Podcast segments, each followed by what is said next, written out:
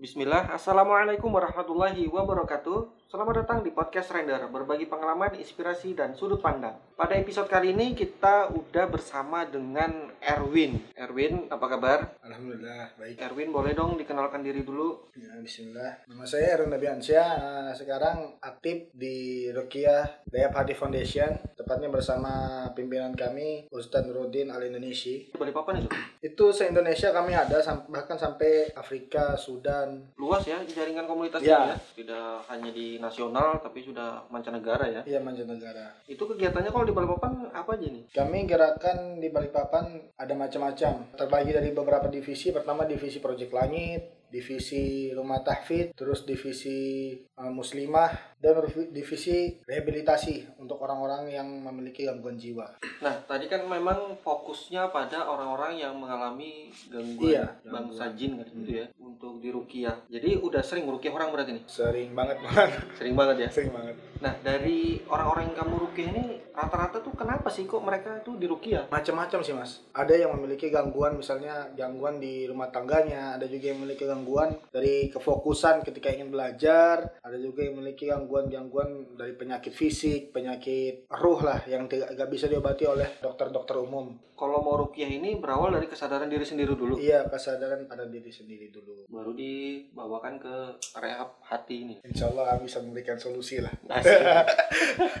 Yang paling sering, yang paling sering nih orang datang kenapa? Gara-garanya apa nih? Kebanyakan orang yang datang ke kami ini gangguannya itu bukan gangguan sih sebenarnya. Kerusakan rumah tangga. Oh, kerusakan rumah Ya, tangga. aneh itu seri- lebih sering ngadapin orang-orang yang mereka itu mengeluhkan bahwasanya kami ini mas sama-sama emosi dan kami ini memutuskan ingin bercerai. Gimana caranya biar kami ini nggak langsung ambil keputusan terlalu cepat. Coba mas rukiah kami gimana sih? Kira-kira ada gangguan nggak kami itu? Ya, Gitu. Kebanyakan orang seperti itu sih. Lebih banyak ke pertengkaran rumah tangga gitu. Bahkan sampai ada yang sempat di depan aneh sendiri itu langsung cerai. Plus Ngerinya punya ya. anak tiga kecil-kecil itu langsung cerai di tempat Dan memang rata-rata ada gangguan. ternyata ketika di rukyah itu ada gangguan seperti itu kalau dari kami nyebutnya jin mahabbah jin yang mencintai manusia Oh, jadi Iya. jin bisa mencintai manusia? Gimana gimana ini menarik sekali nih. bisa jadi ketika manusia itu melakukan kelalaian atau mereka itu tidak taat sama suaminya Mhm. atau misalnya si suami ini melakukan kemaksiatan kemaksiatan di tempat umum atau misalnya ada cewek tapi laki-laki itu tetap menghadapinya maka ketika mimpi jin itu akan menyerupai dengan orang yang kita suka nah, sehingga di situlah nanti akan di mimpi kita ada Orang yang kita cintai, ya orang yang kita cintai orang yang kita suka Eh, suami atau istri. Iya, gitu ya. dan dalam keadaan berhubungan badan. Nah, sebenarnya di dalam mimpi itu orang yang kita melakukan hubungan badan itu adalah dari bangsa jin. Nah, itulah yang membuat jin itu terpikat dengan kita. Oh, berarti mimpi tadi itu bukan sekedar mimpi ya? Berarti Bukan itu kejadian sekedar nyata ya? Iya, bisa jadi kejadian nyata. Cukup menakutkan sih kalau dengar jadi, jadi bangsa jin bisa jatuh cinta sama manusia. Iya, bisa. Nah, yang menyebabkan tadi ketika ada kemaksiatan-kemaksiatan yang dilakukan oleh istri ataupun suami ya. Iya. Nah, kalaupun misalkan sudah terlanjur nih, itu gejalanya biasanya apa aja selain mimpi tadi? Memang paling besar mimpi ya? Atau ada Paling gejala besar lain? mimpi, ada juga gejala lain. Seperti misalnya orang tersebut bisa stres langsung atau stop-stop makan, depresi, bisa sampai juga gila. Bisa sampai ujungnya gila Iya. ya? Bahkan misalnya orang ini belum nikah, Ya. ketika jin itu sering mencintai manusia itu maka jin itu akan membuat manusia itu gak bakal tertarik oleh manusia lain ya ada perasaan suka Oh, sehingga dia tidak akan tidak ada nikah ya? iya tidak ada ketertarikan Ini jujur ya, baru tahu aku malah. Kalau ada ternyata bangsa jin itu bisa mengganggu manusia sebegitu dalamnya ya, iya Nah kalau ini misalkan kita merasa sudah bahwa kayaknya ada gangguan nih, itu apa sih yang harus kita lakukan secara mandiri dulu? Apakah memang harus butuh pertolongan orang lain? dari pertama kami itu hal-hal yang harus dilakukan misalnya untuk orang-orang yang sudah menikah Ya. yang pertama mereka lakukan ya maaf ini agak-agak gimana gitu ya kalau sudah Ada menikah tabu, ada tabu. minimal melakukan hubungan intim itu kalau dari ustadz kami diberitahunya satu hari 3 sampai 7 kali melakukan hubungan intim agar perasaan itu kembali dan jin akan cemburu dengan gitu. Tapi kalau untuk orang-orang yang belum menikah, mereka harus tazkiyatun nafs, yaitu penyucian jiwa. Bagaimana Di mana caranya? mereka kembali lagi ke Allah, mengingat Allah, kembali lagi ke ibadah, ibadahnya itu murni ke Allah dan memalingkan semua segala godaan yang ada di jalan ataupun di pasar-pasar di mana-mana itu harus kita kalau bisa mengendalikan diri. Nggak melihat lawan jenis gitu maksudnya. Atau Kalau tidak- melihat sih pasti kita bakal melihat. lihat ya. Pasti bakal melihat. Cuma gimana caranya kita mengendalikan nafsu kita. Apalagi laki-laki. Laki-laki itu biasanya kalau sudah melihat cewek yang pakaiannya seksi, dia pasti lebih cepat refleksinya itu. Iya, lebih cepat merespon. Iya, lebih lebih cepat respon Lebih cepat perempuan. Tetapi perempuan juga ada yang seperti itu. Tidak menutup kemungkinan Iya, wanita tidak. juga melakukan hal yang sama ya. Iya. Nah, itu yang perlu kita cegah ya. Iya. kita kendalikan itu kalau penanganannya secara mandiri apalagi hal-hal yang dapat diganggu oleh jin tadi itu Ada sampai bahkan itu orang dibuat gak bisa hamil. Kami pernah merukiah, ketika Hmm. kami rukiah itu ternyata perutnya itu dalam keadaan buncit, sedangkan ibu itu dalam keadaan tidak hamil. Dan ketika kami rukiah itu perutnya langsung goyang dia. Gerak-gerak. Ketika kami rukiah satu jam dua jam itu akhirnya baru kempes. Dan isinya itu ternyata cuma angin. Bahkan keluarganya itu mikir bahwasanya anak ini hamil. padahal enggak? Padahal enggak, cuma angin. itu termasuk gangguan jin itu sudah itu gangguan jin kalau kami nyebutnya di itu kehamilan dari bangsa jin. Ketika melakukan hubungan badan itu di mimpi Mm-mm. hamil ya jadi seperti itu. Jadi hamil angin. dari persetubuhan bangsa Manusia. jin dan manusia. Tetapi memang perutnya menggembung dan isinya hanya angin atau bisa jadi anak juga. Bahkan ada pernah kejadian itu di daerah Sumatera ketika ustadz kami ngerukiah itu ada kejadian seperti itu. Tapi dalam keadaan janinnya ada tapi tidak sempurna. Dan dalam keadaan bentuknya itu aneh lah. Manusia tapi ada banyak kekurangannya lah apa sih tanda pertama yang menyebabkan kita harus datang nih untuk minta dirukiah Pertama, kalau kita memang rasa ada perbedaan hubungan kita sama suami kita, misalnya kita emo lebih emosi ke suami atau istri kita, Mhm. itu coba kita lebih introspeksi diri lah. Hmm. Jangan kita langsung nyalahkan pasangan kita. Karena bisa jadi masalah-masalah itu datang tanpa sebab biasanya karena campur tangan bangsa jin itu. Mereka itu kecampur karena mereka memiliki rasa cemburu. Ketika mereka memiliki rasa cemburu, akhirnya mereka yaitu ya mungkin buat-buat masalah sehingga pasangan kita itu jadi lebih emosional. Lalu akhirnya pasangan kita juga ikut emo- sama-sama emosi, bisa jadi cerai lah, macam-macam. Ada juga pun orang-orang yang belum menikah dibuat hubungan antara dia dengan orang tuanya itu lebih retak lah. kalau gitu itu itu datang dengan sendirinya kah jin ini ya atau ada yang ngirim sih Kalau jin mahabbah ini biasanya datang sendiri. Ketika memang mereka ini melihat orang-orang, orang-orang muslim atau orang-orang kafir yang mereka itu misalnya melihat tubuh kita dan mereka memiliki ketertarikan. Jin juga memiliki perasaan yang sama seperti manusia. Ketika melihat, ketika tertarik dengan seseorang, jin akan langsung menyukainya. Misalnya jatuh cinta tadi ya ya jatuh cinta. Misalnya kita mau mandi, kita lepas pakaian, kita tidak membaca basmalah Bismillah, maka jin itu bakal melihat aurat kita. Nah, di situ jin itu bakal suka, apalagi kita melakukan hal-hal yang aneh-aneh lah bahasanya di hmm. di kamar mandi kamar mandi. Nah, itu yang sangat bahaya. Justru jin sangat suka di situ. Bahkan kami itu pernah merukyah orang-orang yang yang bahasanya maaf ya eh, melakukan onani. Ketika kami rukyah, ternyata ada jinnya. Apa yang membuat kamu? Kita tanya ke jinnya, apa yang membuat kamu menyuruh manusia ini untuk melakukan onani? Terus kata jin itu, ya spermanya dia ini makanan buat saya. Dan sperma ini bisa nuntuk nanti anak-anak saya. Waduh, itu bahaya ya. Gitu, Jadi iya. teman-teman ini perlu diingat ini. Jadi jangan kebanyakan melakukan hal tersebut ya. Apalagi laki-laki tuh. iya. Kalian telah menafkahi jin ya. Iya. Buat makan dia sekalinya. Hati-hati Makan ini. juga.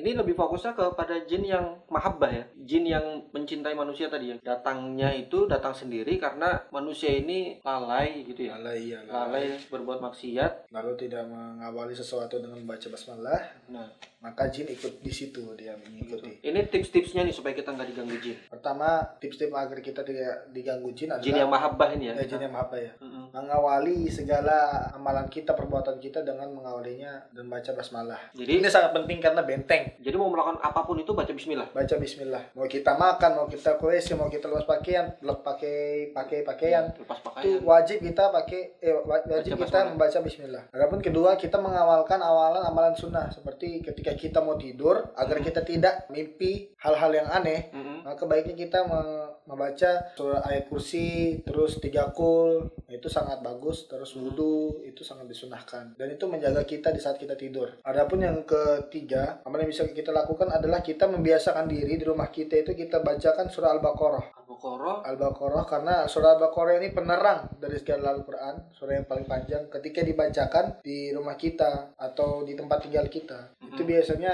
ayat itu akan melindungi kita Itu dibaca kan dia panjang nih. Iya, itu ayat kita gak harus baca sampai habis kita cukup baca aja misalnya cukup lah kita baca ayat Al-Baqarah eh, ayat 255 ayat kursi gitu Hmm, itu sudah kursi. terhitung kita Al-Baqarah. ya Al-Baqarah itu nggak apa-apa kita berwudu terus kita baca tiga kul Mm-mm. ketika kita tidur terus tersentuh dengan istri kita itu yang penting kita niatnya sudah untuk menjaga dan Oh, benar-benar. suci ya Setidaknya kita udah melakukan amalan itulah ya. iya melakukan amalan itu diniatkan untuk itu Ada lagi tipsnya supaya tidak diganggu. mungkin itu saja sih amalan-amalan yang harus dilakukan ya. agar tidak terjadi hal yang tidak diinginkan lah Tadi kan cara mencegahnya. Selanjutnya, kalau kita udah merasa ada sedikit gangguan nih, langkah-langkah pertama atau langkah-langkah yang bisa kita lakukan secara pribadi dulu apa? Secara pribadi pertama kita rukiah mandiri Gimana caranya? rukiah mandiri itu ya sama seperti misalnya kita ambil air terus kita membacakan air tersebut dengan ayat-ayat rukiah. Gak usah terlalu berat lah. Cukup kita bacakan dengan ayat kursi terus al-falak an-nas al-ikhlas al-kafirun. Terus ditiupkan setiap satu surahnya itu ditiupkan ke air itu terus diniatkan agar Allah melindungi kita dengan ayat-ayat ini.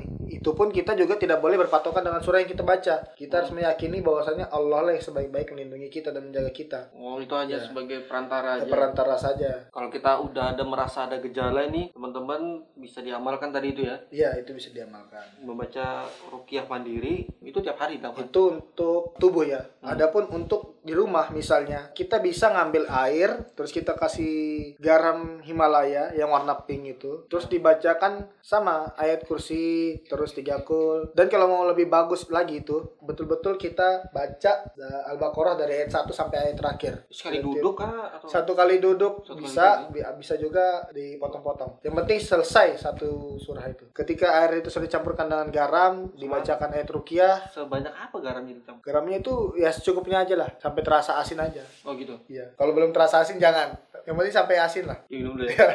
Kurang saya cicipin aja. Habis itu disemprotkan di rumah, apalagi di rumah ru- di ruangan-ruangan yang tidak terpakai, kita semprotkan sambil kita baca ayat kursi. Allahu la ilaha illa. Nah, kalau di kamar mandi disemprotkan juga? Kalau di kamar mandi nggak usah, Nggak perlu karena memang itu tempatnya bangsa jin kan, Oh iya benar. nggak usah kita ganggu mereka. Terus ada lagi nggak? Mungkin itu aja sih. Itu aja ya. Iya. Nah, terus tuh mungkin bagi pendengar ini ada yang sudah melakukan, sudah merasa ada gejala, terus tuh melakukan rukiah mandiri yang tadi kamu sebutkan ini ya.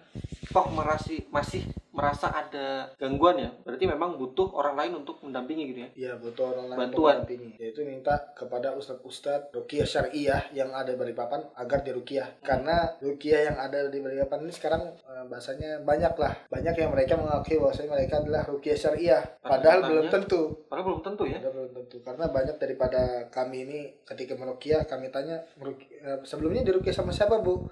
Dirukiah sama pak ini. Ternyata bapak tersebut tidak menerapkan daripada apa apa-apa yang disunahkan ketika merukiah, yaitu mereka mencampurkan batilan dan hak dengan mantra-mantra Jawa-Jawa terus dibacakan surah-surah sebagian surah yang Hmm. tidak disunahkan. Hmm. Nah, ini se- salah satu kebatilan. Oh, gitu ya? mencampurkan ad- mencampur adukan yang hak dan yang batil. Nah, kalau kita mau rukiah tadi kamu ada di komunitas apa tadi? Rehab hati. ya? Rehab hati Balikpapan. Nah, kalau kita mau ke rehab hati ini gimana caranya? bisa langsung DM Langsung Rehab DM ya? Balikpapan